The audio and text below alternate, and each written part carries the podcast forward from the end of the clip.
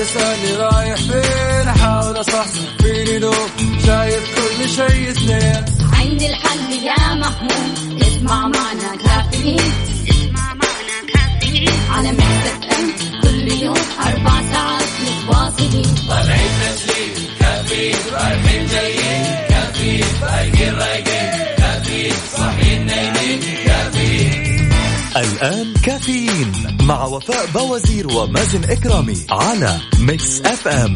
Mix FM هي كلها ال Mix. هذه الساعة برعاية McCafé من ماكدونالدز.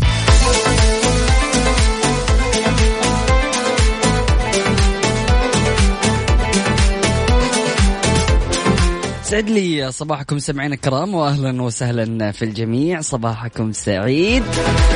صباحكم يوم الخميس يعني weekend يعني خميس ونيس. صباح الخيرات والمسرات وفاء ومازن والسادة المستمعين. أبو عبد الملك يسعد لي صباحك يا أبو عبد الملك وإن شاء الله يكون يومك لطيف. إيش الصور الحلوة هذه؟ عبد من جدة أبو محمد يسعد لي صباحك يقول صباح الخير والنور والسرور والعطر المنثور من أحلى زهور أجمل بداية يوم بسمع كافيين بوجودكم أحلى وفاء ومازن. سلام سلام على القهوة وعلى الخبز مع الصباح. تركي النقيب يسعد لي صباحك هلا بالحبيب الغالي يقول صباح الخميس الونيس صباحكم نشاط وحيوية وسعادة. فعلا نبغى اليوم يا جماعة الخير كذا يعني الطاقة ما توقف والحماس يكون مشتعل. عودتي القوية بعد حجر 14 يوم وذلك لإصابتي بفيروس كورونا. أسأل الله تعالى أن يبعد يبعد عنكم الشر. أخوكم ماجد من مكة. ماجد الحمد لله على سلامتك وما شاء الله تبارك الله عليك. إنسان مجتهد ورياضي ويعطيك العافية وإن شاء الله دائما قدامك العافية وتكون بخير وصحة وعافية. لا تدع صباحك يأتي وأنت لازلت في ذكريات الأمس المتعبة. يوم جديد يستحق كل جديد منك. أسعد الله صباحكم. مستمعين كافيين. أم صلاح يسعد لي صباحك وإن شاء الله يكون يومك لطيف. صباح الخير والسعادة صباحكم. خالد بالابتسامة الله عليك يا خالد. ظفر من مكة يسعد لي صباحك.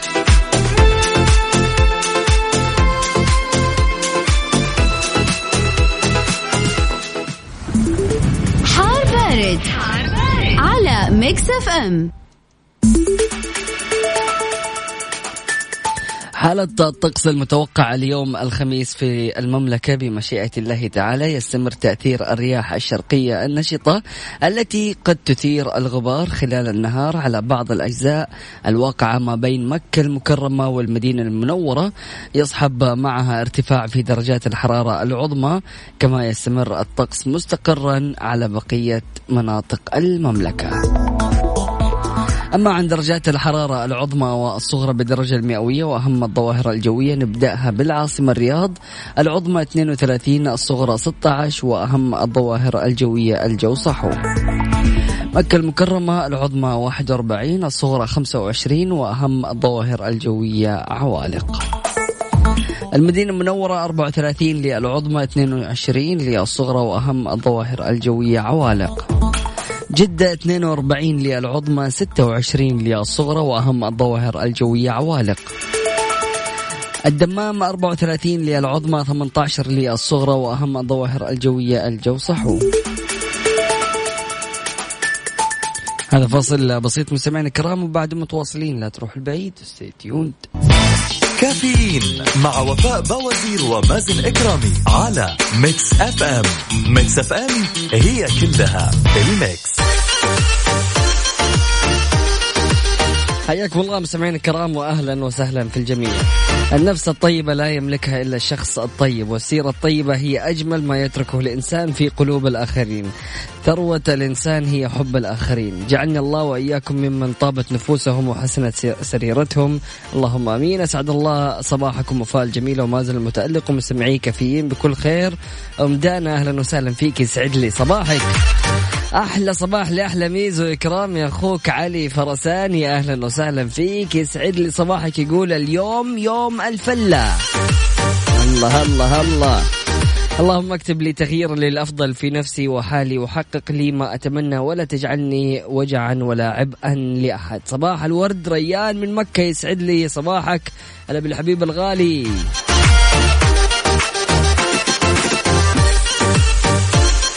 أكد ولي العهد نائب رئيس مجلس الوزراء وزير الدفاع الأمير محمد بن سلمان بن عبد العزيز سعي المملكة لتصبح ملتقى رئيسا للعالم للشرق والغرب وأن تحتضن الذكاء الاصطناعي وتسخر قدراته معا وتطلق إمكانياته لخير الإنسانية جميعا. أضاف ولي العهد خلال كلمته بمناسبة افتتاح القمة العالمية للذكاء الاصطناعي التي ألقاها نيابة عنه رئيس الهيئة العامة الهيئة السعودية عفوا للبيانات والذكاء الاصطناعي الدكتور عبد الله الغامدي وقال لقد أكدنا في قمة العشرين في اليابان العام الفائت على أهمية الذكاء الاصطناعي الذي أخذ موقعه المحوري في رسم حضارتنا ومستقبلنا.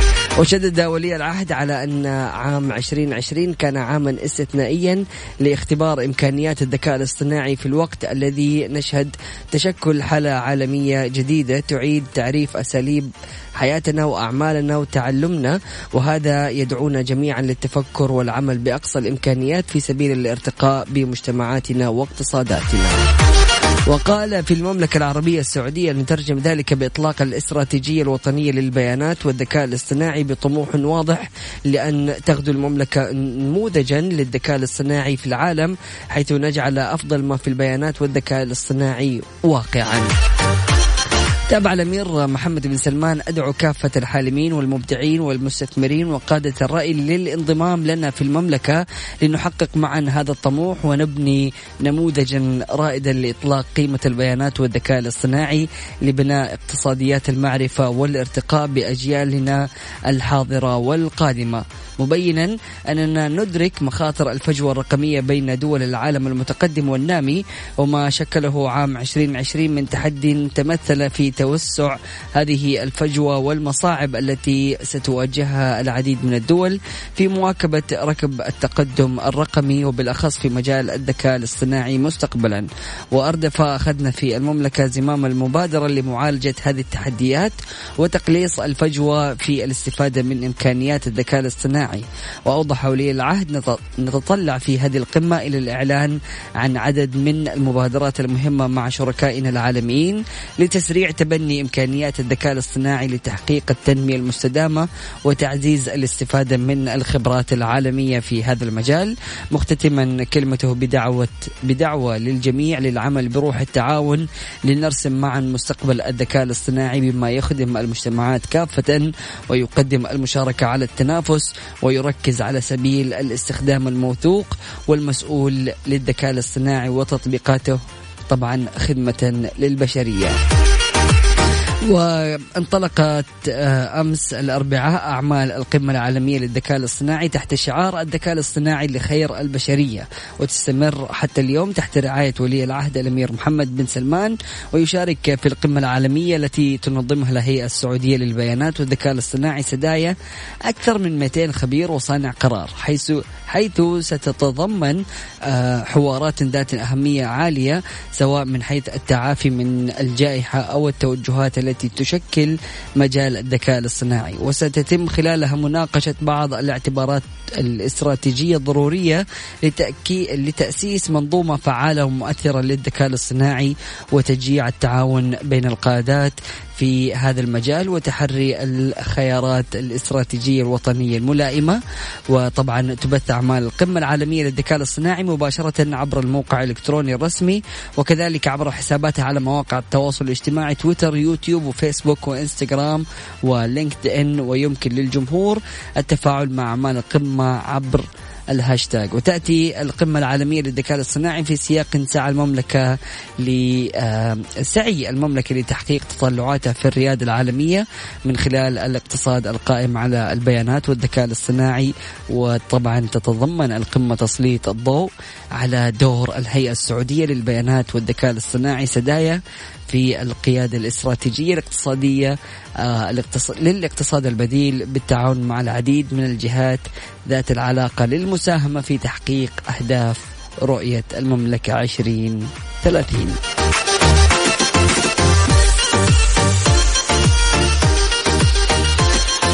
سمعنا الكرام أكيد أرحب في جميع الأشخاص المنضمين لنا من خلال واتساب Mix FM Radio على صفر خمسة أربعة ثمانية وثمانين أحد عشر سبعمية.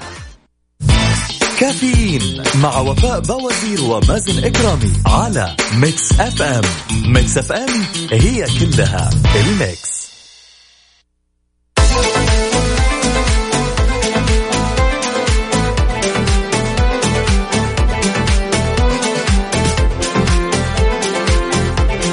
حياكم الله مستمعينا الكرام واهلا وسهلا في الجميع. صباحكم سعيد وشكرا لكل الأشخاص اللي جالسين يتواصلوا معنا من خلال واتساب Mix FM Radio على صفر خمسة أربعة ثمانية وثمانين أحد عشر سبعمية. خميسكم ونيسكم. طيب ماشي. يا أبو عبد الملك توصل إن شاء الله رسالة وخلينا نشوف الأغنية إذا موجودة أو لا. صباح الوناسة والسعادة والفرح صباحكم خميس ونيس. ويا رب يكون نهاية أسبوع جميل تستمتع بنتائج إنجازاتك. همسة اليوم استمتع. أخصائية السعادة سماوات أهلا وسهلا فيك يسعد لي صباحي بهدوء الصباح يا رب دربا لا تضيق به الحياة وقلبا لا يزول منه الأمل. صباح الخير محمد الشيباني يسعد لي صباحك وإن شاء الله يكون يومك لطيف. ابتسم لحياتك وابتسم لكل ما هو حولك وفكر في كل ما يبهجك ولا تفكر فيما يقلقك. فالأمل دواء والقلق عناء والتفاؤل رجاء. متى تسكن السعادة في القلب إذا توفرت فيه ثلاثة. عدم الحزن على ما فات عدم القلق على ما هو آت الرضا بما قسم رب السماوات. من لم يصنع السعادة لنفسه لن يصنعها له الآخرون. أسعد الله صباحكم مستمعين كافيين بكل خير وصباحك مازن وفاء أم محمود أهلا وسهلا فيك يسعد لي صباحك. صباح الخميس هلا مش على الغامدي يسعد لي صباحكم إن شاء الله يكون يومكم لطيف. البنوك 406% ارتفاع بخدمات الدفع عبر الإنترنت وسنحقق مستهدفاتنا الإلكترونية. كشف أمين عام لجنة الإعلام والتوعية المصرفية المتحدث باسم البنوك السعودية طلعت حافظ لأن عفوا أن البنية التحتية القوية للأنظمة المدفوعات الإلكترونية الوطنية ساهمت في دعم جميع وسائل الدفع الإلكترونية خلال فترة منع التجول الجزئي والكلي أثناء فترة ذروة جائحة كورونا. إذا ارتفع عدد عمليات خدمة مدى للدفع عبر الإنترنت إلى 20.8 مليون عملية خلال الربع الأول من العام الحالي فيما ارتفع إجمالي عدد العملي العمليات لخدمة مدى للدفع عبر الأجهزة نقاط البيع لتصل إلى 543 مليون عملية خلال الفترة ذاتها. وقال حافظ شهد الربع الأول من هذا العام ارتفاعا في حجم عمليات خدمة مدى للدفع عبر أجهزة نقاط البيع بنحو 67% مقارنة بالفترة نفسها من 2019 فيما شهدت عمليات خدمة مدى للدفع عبر الإنترنت ارتفاعا بنحو 400.6 ستة مقارنة مع الربع الأول من عام 2019 وشكلت نسبة عدد العمليات المنفذة من خلال تقنية الاتصال قريب المدى 79% من مجمل العمليات المجراة خلال الربع الأول من عمليات أجهزة نقاط البيع بارتفاع قدره 263% مقارنة بالفترة ذاتها خلال العام الماضي. وأضاف هذا الارتفاع في حجم المدفوعات الإلكترونية خلال الربع الأول من 2020 2020 يبرهن على ارتفاع مستوى الوعي في المجتمع السعودي.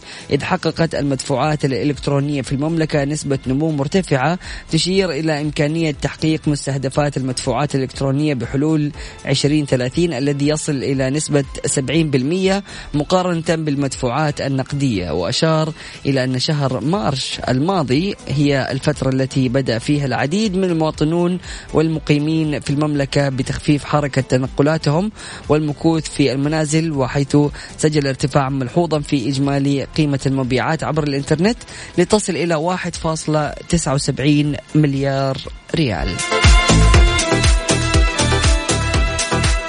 يعني حقيقي اليوم خدمة مدى والدفع عبر يعني الشبكة وتحديدا الدفع عن طريق الجوال سواء أبل باي.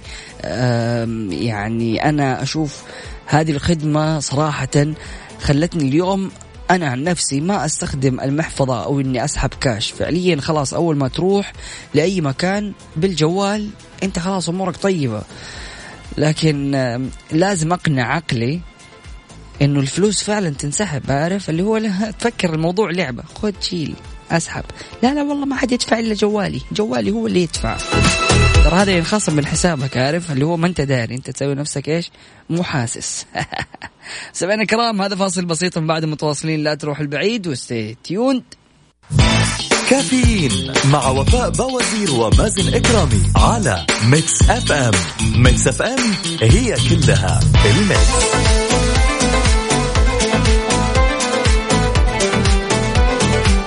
حياكم الله مستمعينا الكرام واهلا وسهلا في الجميع. صباحكم سعيد وصباحكم لطيف وإن شاء الله يكون يومكم جميل جدا. اليوم الخميس الونيس مشعل الغامدي يقول صباح الخميس مشعل الغامدي.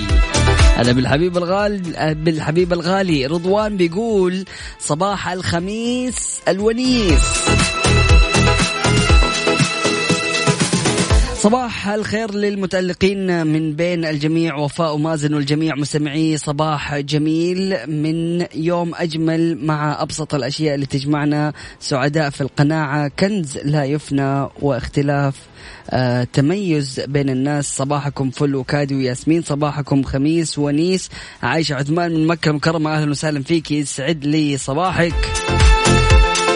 عيون تحلم وقلوب تتمنى ورب كريم يستجيب. اللهم أكرمنا بالأخبار السارة والأعمال الصالحة والأرزاق الدائمة والسعادة في الدنيا والآخرة. صباح صبحكم الله بالأخبار السارة. سارة من جدة أهلا وسهلا فيك. يسعد لي صباحك.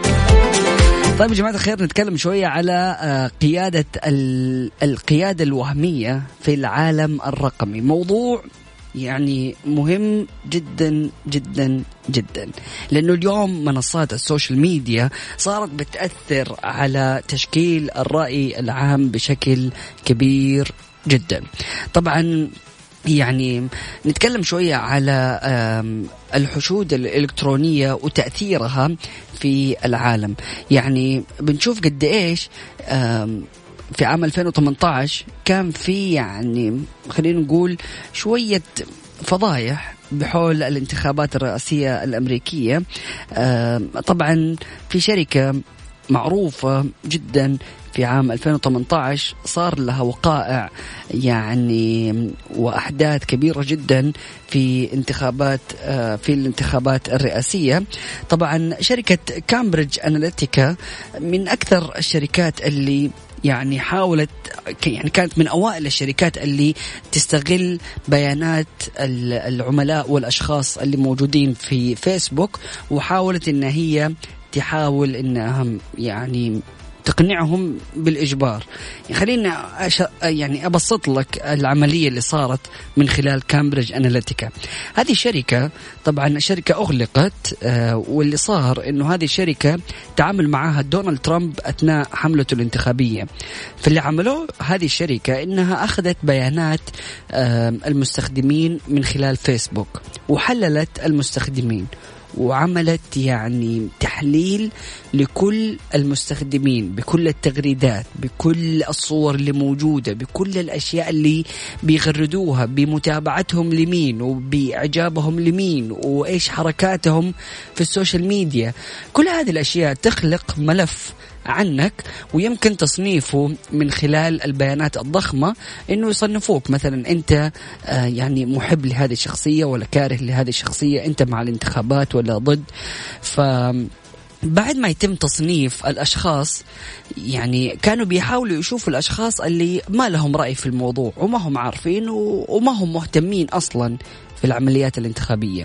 فاللي حصل إنه هذول الأشخاص اللي ما كان لهم أي توجه صارت عليهم حملات إعلامية من خلال السوشيال ميديا.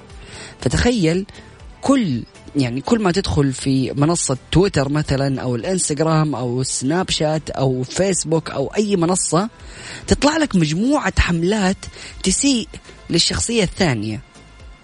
فاللي حدث إنه أغلب الأشخاص يعني توجهوا بهذه الرسائل وصدقوها وبالمقابل طبعا فاز دونالد ترامب. فهذه هي واقعة الأحداث اللي صارت من شركة كامبريدج أناليتيكا.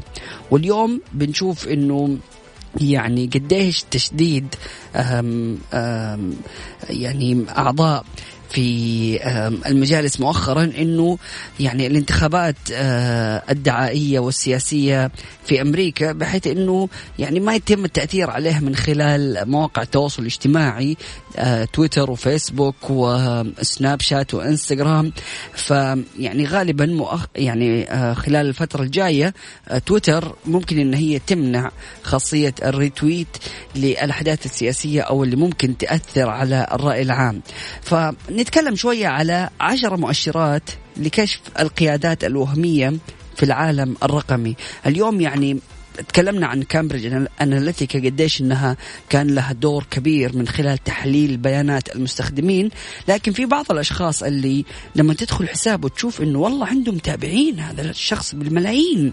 وفي تفاعل وفي أشخاص يعني بيتواصلوا فأكيد هذا الإنسان مؤثر وذو رأي يعني الكل مؤمن فيه. فبالتالي هذه عشر مؤشرات تكشف لك القيادات الوهمية وفق ما ينصح به المختصون. بيقول لك واحد حسابات المتابعين الوهمية تتسم غالبا بحداثة إنشائها وكثرة إعادة النشر مقابل الردود الحقيقية. يعني غالبا لما نشوف الحساب تشوف حساب جديد لسه دوبه يعني أتعمل ماله يعني وقت طويل. آه، من يزيف مك... هذه النقطة الثانية. من يزيف مكونات حسابه في منصة معينة تويتر مثلا فمن المحتمل أن يتبع النهج ذاته في المنصات الأخرى وبالتالي يحص... آه، يحرص أكثر المؤثرين الحقيقيين على توثيق حساباتهم في مختلف المنصات التي ينشطون بها كتأكيد على نشاطهم الفعلي. ثلاثة هنالك فرق بين تزييف المتابعين أعداد متضخمة من خلال الشراء الوهمي أو غيره وتزييف التفاعل. يعني فرق لما يكون في عدد متابعين كبير وفرق لما يكون في تفاعل مع التغريدات ويعني كل اكشن بياخذه الشخص في منصات ال social media وهذه بتستعين بالتقنيات الحديثة لتوليد ردود وإعجاب بكلمات متكررة. من الناحية العددية في حال تطابق أو تقارب أعداد التفاعل في أغلب المنشورات فغالبا هنالك تفاعل وهمي يوحي بالتزييف. مثال إذا كان عدد الإعجاب يعني في أغلب البوستات متوقف عند رقم 340 مثلا على سبيل المثال لكل الصور فبالتالي تعرف إنه آه الأعداد والأشخاص يعني مزيفين وما هم حقيقيين. خمسة في فرق شاسع بين أعداد المتابعين والتفاعل، هذا الشيء يكشف عن التلاعب المحتمل، فمثلا آه تخضع منصة إنستغرام لمعدل تفاعل تقريبي لا يتجاوز 10% في أحسن الأحوال مع كل صورة أو فيديو. يعني آه 1.5 إلى 3 3% تفاعل من نسبة المتابعين لمن لديه مليون متابع وأكثر مقابل 4 إلى 10% لمن لديه دون المليون. طبعا يعتمد بعض المؤثرين استخدام تقنيات تتيح إضافة المتابعين الآخرين ثم إلغاء المتابعة لخلق حالة من لفت الانتباه وبالتالي معاودة المتابعة من الطرف الآخر. تكرار التفاعل نفس المتابعين في مختلف المنشورات عن طريق ردود متقاربة أو متطابقة وغالبا باستخدام عبارات عامة وفضفاضة مثل لقطة رائعة جميل أو الرموز التعبيرية. غير كذا الترويج للهاشتاجات بشكل مدفوع أو بمحتوى مصطنع لإيهام الآخرين بأن القضية مثارة تحوز على اهتمام الرأي العام. وكذا غالبا بتشوف أنت تدخل هاشتاج تلاقي الهاشتاج كله يعني مثلا مكتوب فضيحة مدري مين حلو؟ وتدخل الحساب تلاقي أوه والله فضيحة كبيرة. سبحان الله سبحان الله الحمد لله. فجأة كذا تلاقي تغريدات كثير ما لها علاقة. هذه التغريدات كلها تحاول إنه تخلي الهاشتاج يعني منتشر. تسعة الترويج بمحتوى مغاير لوسم نشط وهو ما يسمى بالإغراق حيث يتم اختطاف موضوع الوسم أو تغيير وجهة الحوار وتشتيت المتابعين. وهذا زي ما قلت لكم عن طريق أنهم يكتبوا تغريدات ما لها علاقة بالهاشتاج. ويقول لك هنالك عدد من المنصات المجانية والمدفوعة لكشف زيف المتابعين أو التفاعل الوهمي في منصات التواصل الاجتماعي. وطبعا كل هذه المؤشرات يعني تعتبر من منصة لمنصة لكن بشكل عام لا تكون ضحية في القيادة الوهمية في العالم الرقمي. وصدقني يعني في نظرية في الإعلام اسمها نظرية الشخص الثالث. هذه النظرية بتقول إنه يعني في بعض الأشخاص اللي يتعرضوا لوسائل الإعلام يقول لك إنه أوكي الكلام يعني ممكن إنه هو يأثر في الآخرين لكن ما يأثر فيا. يعني على سبيل المثال عشان نبسط هذه النظرية زي لما واحد يكون يعني بيدخن. ويعرف أضرار التدخين ويعرف إنه لا سمح الله ممكن يجي له سرطان وممكن يعني تسوء حالته. لكن يقول لك يا أخي أنا عارف كل هذه الأشياء لكن أنا إن شاء الله بإذن الله أنا كويس أنا ما حيجيني شيء. يعني ممكن أيوه ممكن يجي سرطان للناس أنا ما أنكر هذا الشيء. لكن بإذن الله أنا حاسس لا أنا حاسس نفسي كويس. فهذه هي نظرية الشخص الثالث الشخص اللي يؤمن بالحقائق والأشياء العلمية واللي ممكن تصير لكن ما تطبق عليه. يعني يقول إنه تنطبق على الآخرين لكن أنا لا. فبالتالي لما تكون في مواقع التواصل الاجتماعي وتكون من أحد الأشخاص المستهدفين من الحملات الوهمية أو من الحسابات الوهمية وتحاول إنك تقول إنه okay أنا ما راح أتأثر بهذا الشيء وأنا أعرف أفرق ما بين الشيء الصح والشيء الغلط. صدقني أحيانا تكون موجود على مواقع التواصل الاجتماعي وأنت جالس تقلب بشكل سريع وما تكون مركز. فصدقني حتى لو ما قرأت ال post بشكل يعني رايق وتحاول إنك أنت تفهم محتوى هذا البوست بمجرد إنك أنت يعني كذا تقلب في الصفحات تخيل كذا أنت جالس إيه تمرر بأصبعك. عقلك الباطن ممكن إنه هو يعني يشوف الصورة أو التغريدة أو تقرأ الكلام لكن يعني ما تكون مستوعب عارف؟ مو أنت قرأت كذا التغريدة. لا خلاص أنت مشيت التغريدة بشكل سريع لكن عقلك الباطن بيحفظ كل هذه الأشياء. فبالتالي لما ترجع تتعرض لرسائل مختلفة أو بطريقة مختلفة تحس إنه هذا الموضوع يعني مو غريب. كأني قرأت هذا الموضوع والله ماني فاكر فين. شفت أنا هذا الموضوع قبل كذا. فتبدأ هنا يجيك شدة انتباه وتحاول إنه أنت تحس إنه الموضوع مألوف بالنسبة لك. فتبقوا فتقوم تقرأ هذا الموضوع تهتم له. وفي الأخير يكون الموضوع كله وهم في وهم. صباح الوناسة وصباح السعادة الأحلى خميس لجميع للجميع. يا سادة محبكم أبو ديالة. أهلا وسهلا فيك. يسعد لي صباحك. صديقة كافيين ليلى أهلا وسهلا فيك. بتقول صباح الورد يا مازن وصباح الخميس الونيس لجميع مستمعين Mix FM. الله الله الله الله الله عليك يا أبو عبد الملك. يقول في ع... في مثل هذا اليوم من عام 1400 قد آه، قدم إلى الكوكب الأرض آه، عظيم من عظماء التاريخ وصورة العصور فلتت زمانه لله درة تحياتي آخر حبة. أبو عبد الملك سعد لي صباحك. إن شاء الله يومك يكون لطيف. إن شاء الله ما شاء الله. اليوم عيد ميلاد عيد ميلادك. إن شاء الله تكون سنينك دائما سعادة وتكون أفراح بإذن الله.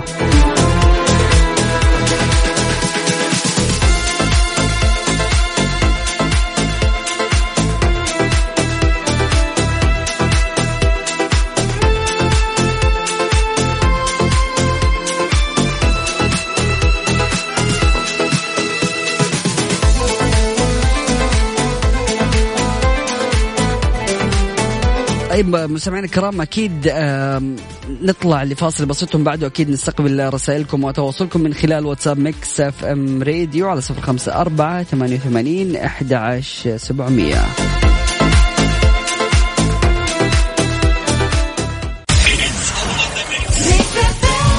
كافيين مع وفاء بوازير ومازن إكرامي على Mix FM. Mix FM هي كلها ال mix. حياكم الله مستمعينا الكرام واهلا وسهلا في الجميع. الدفاع المدني يكشف آخر مستجدات حريق جبل تنومة وتوفير وحدات سكنية لفرق الطوارئ. طبعا كشف المتحدث الرسمي للدفاع المدني بمنطقة عسير النقيب محمد السيد آخر المستجدات حول الحريق الذي اندلع في جبل آه، غلامة بمحافظة تنومة وقال النقيب السيد في مداخلة لقناة الإخبارية إنه عمليات مكافحة الحريق ما زالت جارية من قبل فرق الدفاع المدني وهنالك أكثر من جهات تشارك في إخماد الحريق من بينها فرق تطوعية. وأضاف أن الإشارات الأولية تظهر عدم وجود إصابات في الحادث كما لم تصل النيران للمناطق المأهولة بالسكان مبينا أنه تم وضع فرق قرب المواقع السكنية تحسبا لوصول النيران إليها. وفي السياق ذاته أكدت إمارة منطقة عسير أن غرف العمليات المشتركة تتابع آخر مستجدات عملية إخماد الحريق وأنه تم إنشاء قيادة ميدانية موحدة بمحافظة النومة بمشاركة من محافظة النماص وأشارت الأمارة إلى أن القيادة الميدانية دعمت محافظة النومة بآليات دعم من بلدي من بلديات المنطقة ووجهت بتوفير وحدات سكنية لفرق الطوارئ القادمة من خارج المحافظة. طبعا نسأل الله للجميع السلامة وبإذن الله يكونوا آمنين والله يبعد عننا الشرور يا رب. السلام عليكم يا أهل تنومة ما تشوفون بأس وشكرا لرجالات الدفاع المدني ولمن شارك معهم والله يحمي جميع أجزاء الوطن والوطن. أبو غيات أهلا وسهلا فيك يسعد لي صباحك وإن شاء الله يكون يومك لطيف. كافيين مع وفاء بوازير ومازن إكرامي على Mix FM Mix FM هي كلها ال mix حياكم الله مستمعينا الكرام واهلا وسهلا في الجميع. خميسكم ونيسكم وإن شاء الله يكون يومكم لطيف. طيب يا جماعة الخير في ساعتنا القادمة موضوع مهم جدا وجميل وما أعرف اليوم أحس كذا مواضيع تقنية جميلة. فهذا الموضوع يعني من المواضيع المهمة.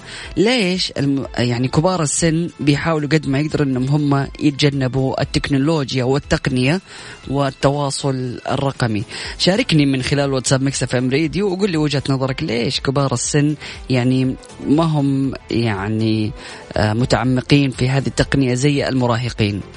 شاركني وجهة نظرك وقول لي ليش بيصير هذا الشيء على صفر خمسة أربعة ثمانية وثمانين 11 700 قل لي رأيك آه وأكيد راح نقرأ الآراء على الهواء مباشرة. ويا ريت يا جماعة الخير نسمع أصواتكم في الساعة القادمة عشان كذا إيش نحس إنه خميس ولا إيش يا أبو عبد الملك؟ نبي نسمع كذا الأصوات الجميلة أصواتكم اللي ترد الروح وانتوا يعني إذا عندكم كذا أغنية بمناسبة الخميس حابب تغني حابب تقول اللي في خاطرك شاركني من خلال واتساب Mix FM تطلع معايا على الهواء ونسمع أصواتكم الجميلة. مرة ثانية أرقام التواصل للي ما لحق يسجلها. على صفر خمسة أربعة ثمانية وثمانين أحد عشر سبعمية. ليش في وجهة نظركم كبار السن ما بيستخدموا التكنولوجيا والتقنية والتواصل الرقمي؟ وفاء بوازير ومازن إكرامي على Mix FM. Mix FM هي كلها ال mix.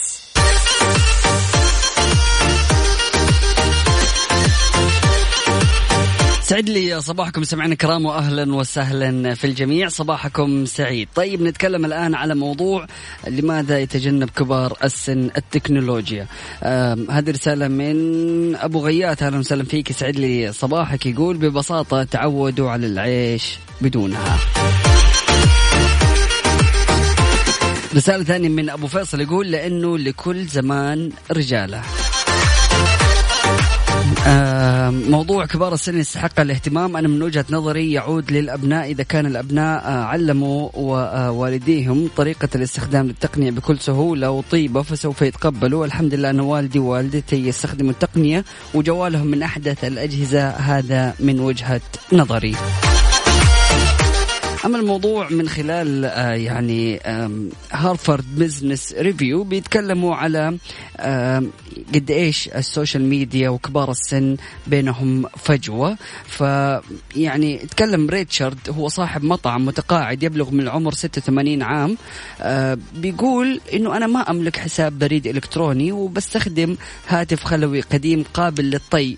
ويقول إنه الهواتف الذكية وشبكات التواصل الاجتماعي بيقول عنها إنه بصراحة أنا ما أحتاجها ولا أبغاها. وما غير رأيه على الرغم من حقيقة أنه المشاركة في خدمات يعني حضور أعياد الميلاد أو المواعيد أو أنه يروح مثلا يحجز موعد مع الدكتور كلها صارت تتطلب الحجز من خلال الإنترنت.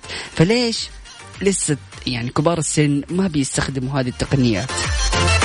يعني يقول لك في فكرة شائعة إنه المسنين أميون في التقنية وما يعني ما عندهم أجهزة ذكية لكن مو شرط يكون هذا الشيء صحيح.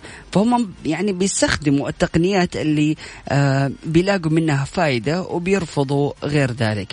طبعا في الأوقات العادية يمكن أن يتسبب ذلك مشكلة مثلا في ملء استمارة إلكترونية عبر الإنترنت أو حصول على نتائج اختبارات. لكن آه يعني اليوم قرابة 27% من الأمريكيين الذين تجاوز أعمارهم 65% 65 عاما لا يستخدمون الإنترنت. ومن الضروري إنه نفهم آه، سبب هذا الشيء عشان نحاول نغيره. آه، صممت شركات أجهزة وبرمجيات تحمل قيمة بالنسبة للمسنين إذا آه، عملوها بهذه الطريقة ما راح نحصل أعداد كبيرة من كبار السن عندهم فجوة رقمية. ويقول لك وفقا لمركز بيو للابحاث فإن 73% من الأشخاص الذين تجاوز تجاوزوا سن ال 65 في الولايات المتحدة يستخدمون الإنترنت بعد أن كانت هذه النسبة لا تتعدى 14% في عام 2000 طبعا كلما تقدم الشخص في السن أكثر قلت احتمالية استخدامه للإنترنت وشبكات التواصل الاجتماعي أو الهواتف الذكية. لكن من يستخدم هذه التقنيات منهم يستخدمها بكثافة ويتعلم مهارات جديدة عشان يتمكن من هذه التقنية. ويشكل المسنون شريحة السكانية الأكبر نموا على الإنترنت على الرغم من استمرار بعضهم بمقاومتها. وفي كثير من حالات المقاومة ما بيكون هذا الشيء عائق. عائق لدخول الإنترنت لأنه يعني المسنون ممكن إنهم هم يتعلموا المهارات الجديدة إذا يعني كانوا محتاجينها. فبيقول أحد الأشخاص يمكن لأي شخص كان أن يتعلم استخدامها لكن لا أرغب في قضاء وقتي في ذلك.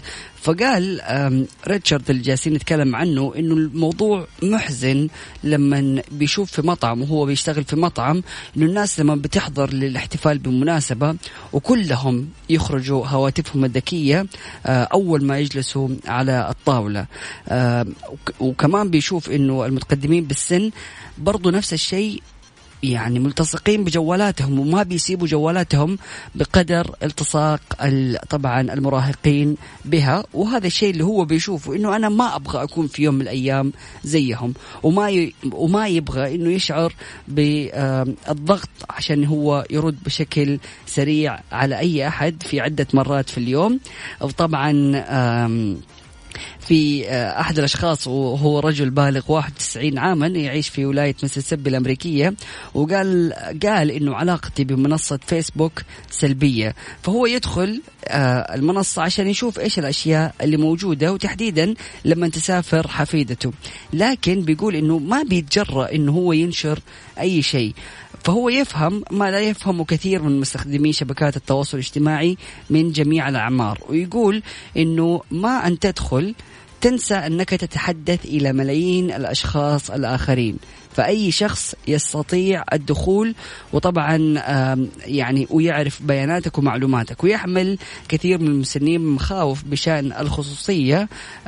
وطبعا هذا الشيء يرجع لتحذيرات نشرتها التحقيقات الفيدرالية من خلال التقنيات المستهدفة والإنترنت لاستهداف المسنين.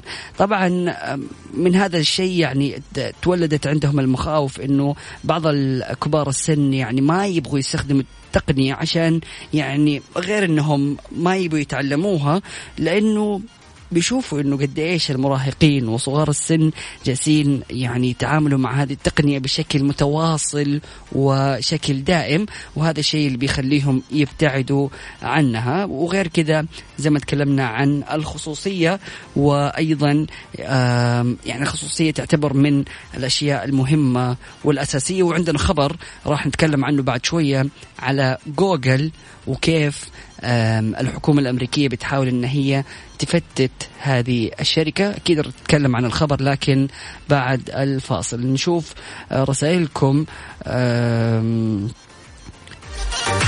ليلى أهلا وسهلا فيك. يسعد لي صباحك. يقول تقول إنه ممكن يكونوا ما هم متعودين أو إنها معقدة ويبغوا البساطة. السلام عليكم محمد عبد الله من الرياض. أخباركم؟ إن شاء الله كلكم تأمين ولامين وأموركم ضابطة والوضع أصلي كبار السن يخافوا يجيبوا العيد. السلام عليكم ورحمة الله وبركاته. وسلم على حبيب قلبي خليل ريان من مكة. أهلا وسهلا فيك. يسعد لي صباحك.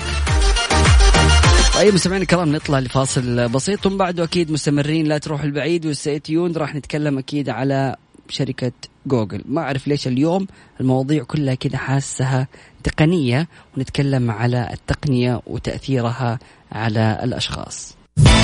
كافيين مع وفاء بوازير ومازن إكرامي على Mix FM. Mix FM هي كلها ال mix. Caffeine مع وفاء بوازير ومازن إكرامي على Mix FM. Mix FM هي كلها ال mix. كل ما تحتاجه لبيتك من أجهزة وأثاث حتحصله عند إيدي. مستمعينا الكرام يعني من بداية حلقة اليوم وإحنا جالسين نتكلم عن التقنية وتأثيرها ودورها الكبير فما ننكر إنه في إيجابيات كبيرة من خلال التقنية وزي ما تكلمنا في ساعتنا الأولى عن ارتفاع آه، نسبة آه، الدفع بالوسائل الرقمية والإلكترونية فهذه صراحة من يعني إيجابيات التقنية إنه الواحد ما صار مضطر إنه هو يشيل الفلوس معاه وممكن يتعرض للسرقة أو إنه الفلوس تضيع. فبالتالي عملية الدفع بالجوال سهلت علينا بشكل كبير جدا حياتنا وأنا من الأشخاص اللي أستخدم يعني هذه الميزة بشكل يومي. يعني لو بشتري مويه بدفع بالجوال.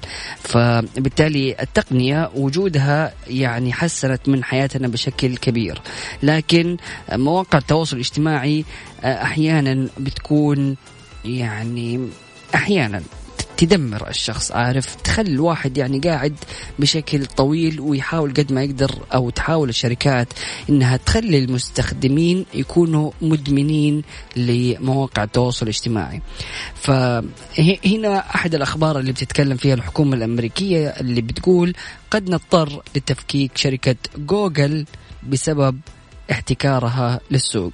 طبعا رفعت وزارة العدل الأمريكية دعوة قضائية بتهمة الاحتكار بحق شركة جوجل يوم الثلاثاء متهمة إياها باستغلال قوتها السوقية بشكل آه، غير قانوني لدرء المنافسين. قائلة أن كل الخيارات مطروحة على الطاولة بما في ذلك تفكيك الشركة.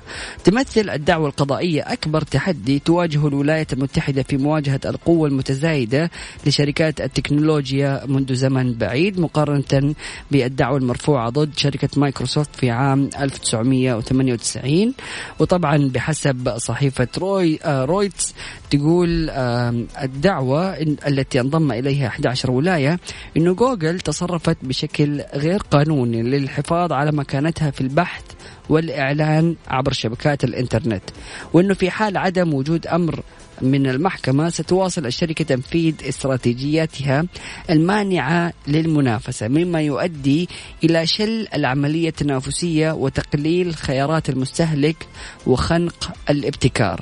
وقالت الحكومة أن جوجل بتسيطر على ما يقارب 90% من جميع الاستعلامات عبر محركات البحث العامة في الولايات المتحدة ونحو 95% من عمليات البحث على الهواتف المحمولة.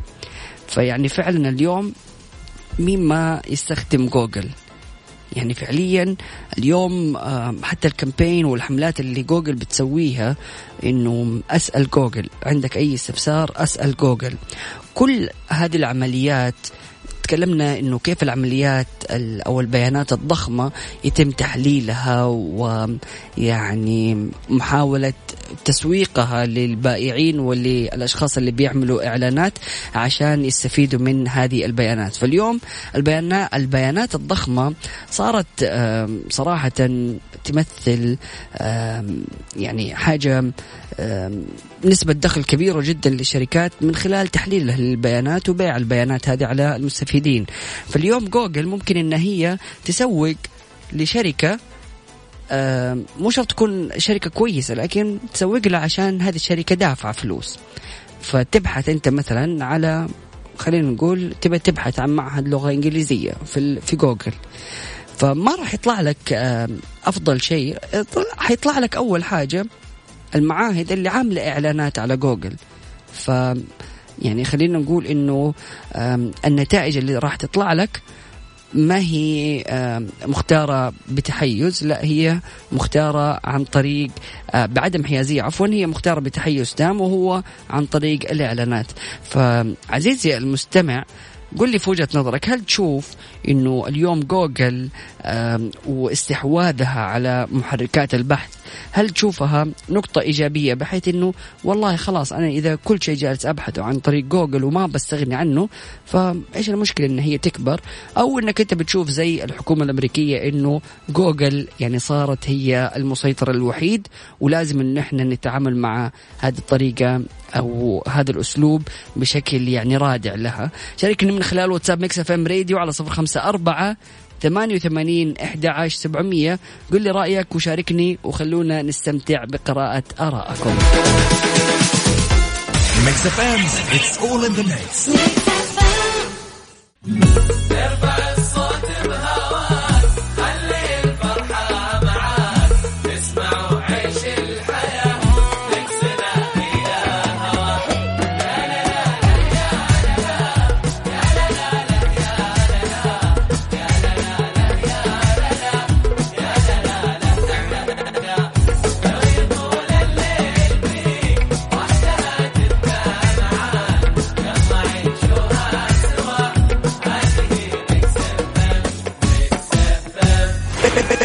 Mix FM من مدينة الرياض على تردد 98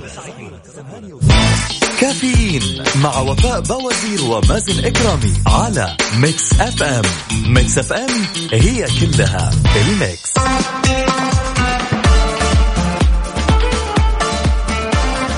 حياكم الله مستمعينا الكرام واهلا وسهلا بالجميع وشكرا لجميع الأشخاص اللي بيشاركونا. السلام عليكم صباح الخيرات ببساطة. التكنولوجيا بالنسبة لكبار السن رؤوسنا تاج على رؤوسنا. التواصل الاجتماعي بالنسبة لهم تباعد زايد يفقد لهم روح تفاعل أيام الطيبين. هذا من وجهة نظر الذين تربوا على الزيارات والتفاعل المباشر بدون حواجز أو وسائط مهما كانت متطورة. هذا رأيي.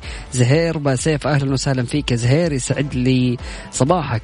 اليوم يعني بنشوف يعني حتى كبار السن من خلال الفترة اللي عدينا فيها جائحة كورونا صار بيتواصلوا عن طريق يعني ال social media ومنصات مثلا زي زوم ومنصات ثانية بيقدروا يتواصلوا معاها ويتفاعلوا. وهذا الشيء يعني حتى بشوفه عندنا في العائلة. ف يعني بيتواصلوا أحيانا عن طريق ال social media وبيستخدموها لكن ما هو بالإدمان والشكل الكبير جدا اللي بنشوف عليه المراهقين تحديدا في هذه الأيام. رسالة من آه، رضوان أهلا وسهلا فيك يسعد صباحك يقول صباح الخميس الونيس أصبح على خليل قطب أهلا وسهلا. أهلا وسهلا فيك. يا أبو عبد الملك يقول إيش تبغوا تعمل حملة مقاطعة لجوجل؟ إيش البديل؟ طبعا أول حاجة الحملة هذه عن طريق الحكومة الأمريكية مو عن طريقنا. ف يعني هم بالنسبة لهم شايفين إنه صار في احتكار من جوجل فما يبغوا هذا الاحتكار يكون فقط لجوجل. لكن على قولك يا أبو عبد الملك مين اليوم يعني ما بيستخدم جوجل في يومه؟ مهما كان يعني سواء جوجل مو بس جوجل اللي هو محرك البحث يعني ال Gmail ال Google Map كل هذه يعني الخدمات الخاصة بجوجل هي المسؤولة يعني بشركة جوجل وفي الأخير هي اللي بتقدر تاخذ البيانات والمعلومات كلها حار بارد. على Mix FM بمشيئة الله تعالى يستمر تأثير الرياح الشرقية النشطة التي قد تثير الغبار خلال النهار على بعض الأجزاء الواقعة ما بين مكة المكرمة والمدينة المنورة. يصحب معها ارتفاع في درجات الحرارة العظمى كما يستمر الطقس مستقرا على بقية مناطق المملكة. أما عند درجات الحرارة العظمى والصغرى بالدرجة المئوية وأهم الظواهر الجوية نبدأها بالعاصمة الرياض العظمى 32 الصغرى 16 وأهم الظواهر الجوية الجو صحو. مكة المكرمة العظمى 41 الصغرى 25 وأهم الظواهر الجوية عوالق. المدينة المنورة 34 للعظمى 22 للصغرى وأيضا أهم الظواهر الجوية عوالق. جدة 42 للعظمى 26 للصغرى وأيضا عوالق. الدمام 34 للعظمى 18 للصغرى والجو صحو. سمعنا الكرام هذا فاصل بسيط بعد أكيد متواصلين. لا تروح البعيد ومنتظرين رسائلكم وتواصلكم على واتساب Mix FM Radio على صفر خمسة أربعة ثمانية وثمانين إحدعش سبعمية. كافيين مع وفاء بوازير ومازن إكرامي على Mix FM. Mix FM هي كلها ال mix.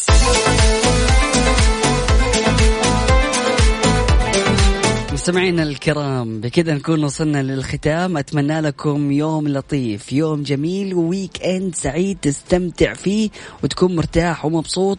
وإن شاء الله ترجع لنا الأسبوع الجاي بطاقة وحماس وحيوية ونكون مستمرين مع بعض في نفس التوقيت من السابعة وحتى العاشرة صباحا. من الأحد إلى الخميس. كنت معكم أخوكم مازن كرامي سبحانك اللهم وبحمدك. أشهد أن لا إله إلا أنت أستغفرك وأتوب إليك.